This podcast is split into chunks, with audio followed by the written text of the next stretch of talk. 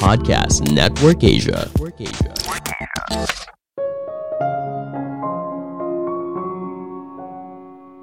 Jangan investasi cuma karena ikut-ikutan. Pahami produknya dengan baik sebelum berinvestasi. Halo semuanya, nama saya Michael. Selamat datang di podcast saya, Sikutu Buku. Kali ini saya akan membahas soal Greater Full Theory, NFT, dan token Belakangan ini kita banyak melihat figur publik ramai-ramai membuat NFT, metaverse, dan token. Hal ini tidak lepas dari antusias masyarakat soal dunia kripto. Pertanyaannya, apakah membeli token tersebut merupakan keputusan yang tepat? Atau kita hanya bagian dari the greater full theory? Sebelum kita mulai, buat kalian yang mau support podcast ini agar terus berkarya, caranya gampang banget. Kalian cukup klik follow Dukungan kalian membantu banget supaya kita bisa rutin posting dan bersama-sama belajar di podcast ini.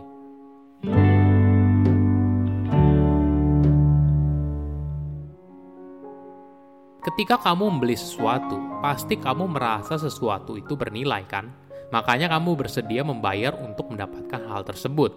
Namun menariknya, nilai itu merupakan sesuatu yang sifatnya relatif apa yang menurut saya bernilai, belum tentu kamu juga merasakan hal yang sama. Misalnya gini, apakah kamu mau membeli sebuah gambar NFT seharga 100 juta rupiah? Mungkin saja kamu bilang tidak, tapi apabila ada orang yang bersedia, tentunya orang tersebut merasa kalau gambar NFT tersebut begitu berharga. Ada sebuah cerita yang menarik. Pada pertengahan abad ke-17, banyak pedagang baru kembali dari penjelajahan mereka di East Indies. Mereka membawa banyak emas dan perak, hasil menukar rempah-rempah dan barang mewah lainnya. Ketika mereka sampai di London, awalnya mereka tidak tahu ke mana harus menyimpan semua barang berharga tersebut. Tentu saja pada masa itu belum ada sistem perbankan. Jadi siapa yang diberi kepercayaan? Mereka lalu memilih pengrajin emas. Para pedagang itu lalu memberikan emas kepada para pengrajin, lalu menukarnya dengan selembar sertifikat. Lama-kelamaan, sertifikat itu jadi alat perdagangan. Tentunya ini merupakan hal yang aneh kan? Kenapa ada orang yang rela menukar emas yang bernilai dengan selembar kertas? Para pengrajin emas lalu berubah fungsi menjadi bank. Namun ada beberapa pengrajin emas yang nakal. Mereka mencetak sertifikat dalam jumlah banyak, jadi mereka bisa meminjamkan sertifikat itu lalu mendapat bunganya. Hingga suatu hari, ketika ekonomi sedang memburuk, banyak orang datang ke pengrajin emas dalam waktu yang bersamaan, lalu meminta sertifikatnya ditukar dengan emas. Nah, di situlah terjadi market bubble. Oke, selanjutnya saya mau bahas soal greater full theory. Jadi, teori ini berargumen kalau seorang bisa menjual barang kepada orang yang dianggap lebih bodoh, tidak peduli harga awalnya sudah terlalu mahal atau tidak. Tentunya harga akan selalu naik hingga tidak ada orang yang dianggap lebih bodoh yang membelinya. Banyak investor justru memanfaatkan teori ini untuk bermain dengan psikologi masyarakat. Namun tentu saja hal ini sangat beresiko.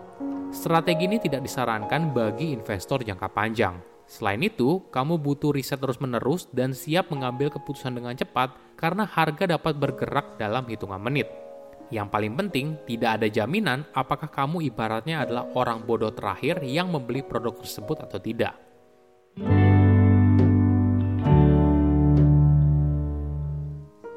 Jika kamu tidak familiar dengan Greater Full Theory, bagaimana dengan market bubble? Ini merupakan situasi di mana sebuah harga aset tertentu melebihi harga sesungguhnya dari produk tersebut. Ada sebuah kisah yang populer dari tulip mania. Ini merupakan kisah market bubble yang paling terkenal. Peristiwa ini terjadi di Belanda pada awal hingga pertengahan abad ke-1600-an. Tulip pertama kali dibawa ke Eropa melalui jalur perdagangan rempah. Warga Belanda langsung jatuh cinta pada bunga tersebut karena bunga itu tidak pernah ditemuinya selama ini. Tidak heran, bunga tulip langsung jadi barang mewah dan hanya tersedia di kebun orang kaya. Bahkan sampai ada pemikiran, kamu orang kaya yang tidak punya selera bagus apabila kamu tidak punya koleksi bunga tulip. Tren orang kaya lalu mulai diikuti oleh masyarakat kelas menengah. Permintaan bunga tulip pun jadi meningkat. Namun perlu diketahui, bunga tulip itu sangat rapuh. Tanpa perawatan ekstra, maka bunga tersebut akan cepat layu. Pada awal tahun 1600-an, para ahli tanaman mulai mengembangkan teknik untuk menumbuhkan dan produksi bunga tulip secara lokal. Nah, permintaan bibit bunga tulip langsung membludak. Warga Belanda ramai-ramai ingin menanam bunga tulip di rumahnya. Namun ada satu jenis bunga tulip yang dianggap langka. ada umbi bunga tulip berwarna-warni yang merupakan evolusi dari virus tertentu. Menariknya, tulip hanya mekar pada bulan April dan Mei selama sekitar satu minggu. Selama fase dorman dari Juni hingga September, umbi bunga tulip dapat dicabut dan dipindahkan, sehingga pembelian terjadi selama bulan-bulan tersebut. Waktu itu juga dimanfaatkan oleh toko bunga atau pedagang tulip untuk menandatangani kontrak di hadapan notaris terkait transaksi jual beli di akhir musim. Para trader profesional lalu melihat peluang ini. Mereka pun ikut membeli umbi langka dan harganya terus naik dan naik. Inilah yang mendorong harga umbi bunga tulip menjadi tidak masuk akal. Banyak orang mulai terbutakan oleh keuntungan dari penjualan umbi bunga tulip. Hingga akhirnya pada tahun 1637, harga mulai jatuh dan tidak kembali lagi. Hal ini terjadi karena mayoritas orang membeli umbi tulip dengan cara kredit, berharap bisa membayar hutang mereka dengan keuntungan atas investasi di umbi tulip. Namun ketika harganya mulai turun, orang yang berhutang terpaksa menjual rugi kontrak bunga tulip mereka karena harus membayar hutang.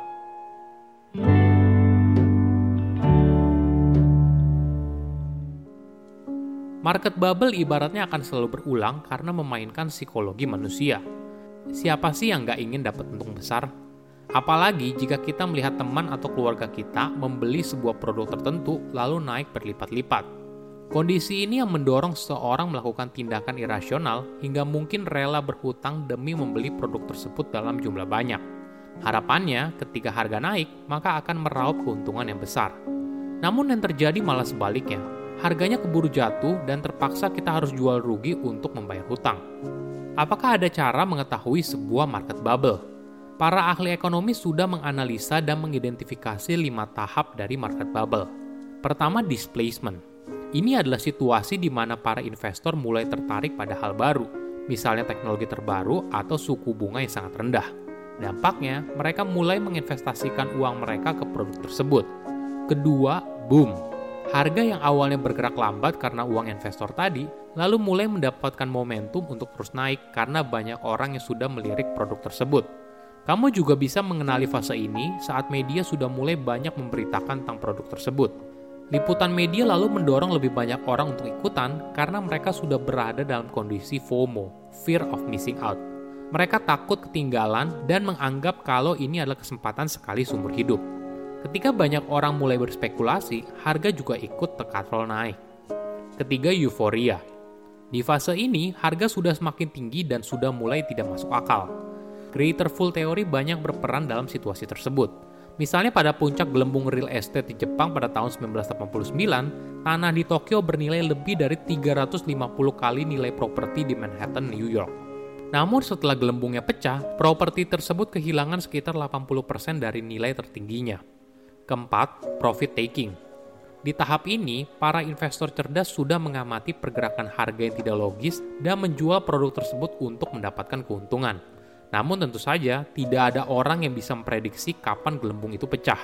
Bukan hanya tidak mungkin, tapi juga sangat berbahaya bagi kesehatan keuangan orang tersebut. Kelima, panik. Ini adalah tahap di mana pesta telah usai. Ketika harga mulai berbalik arah, semua orang lalu berlomba-lomba untuk menjual produk tersebut di harga berapapun. Efeknya, harga turun drastis terus-menerus. Oke, apa kesimpulannya? Pertama, manusia kadang irasional Ketika melihat sebuah peluang yang bisa mendapatkan keuntungan dalam waktu singkat, kebanyakan orang suka tidak rasional. Mereka ikutan membeli produk yang sebenarnya tidak sesuai dengan harga sesungguhnya.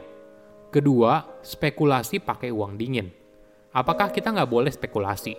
Ya sah-sah aja apabila kamu ingin ikut berspekulasi dan mencoba ikutan dalam sebuah tren tertentu. Namun perlu diingat, jangan terlalu serakah hingga berhutang untuk membelinya Kondisi ini yang bisa membuat seseorang terjebak dalam kesulitan finansial di masa depan. Ketiga, tidak ada yang tahu kapan gelembungnya akan pecah.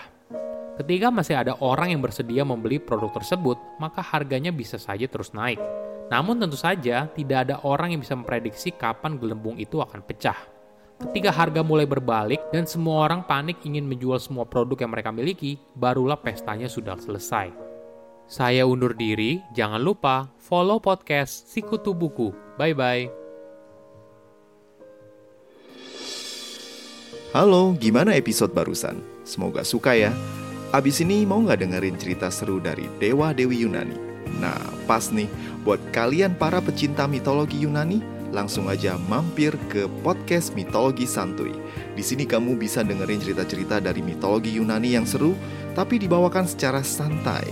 Jadi nggak bakalan bosen. Ditunggu ya di podcast Mitologi Santuy.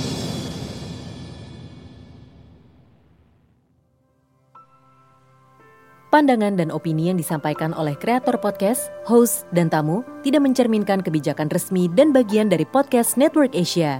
Setiap konten yang disampaikan mereka di dalam podcast adalah opini mereka sendiri dan tidak bermaksud untuk merugikan agama, grup etnik, perkumpulan, organisasi, perusahaan, perorangan, atau siapa pun dan apa pun.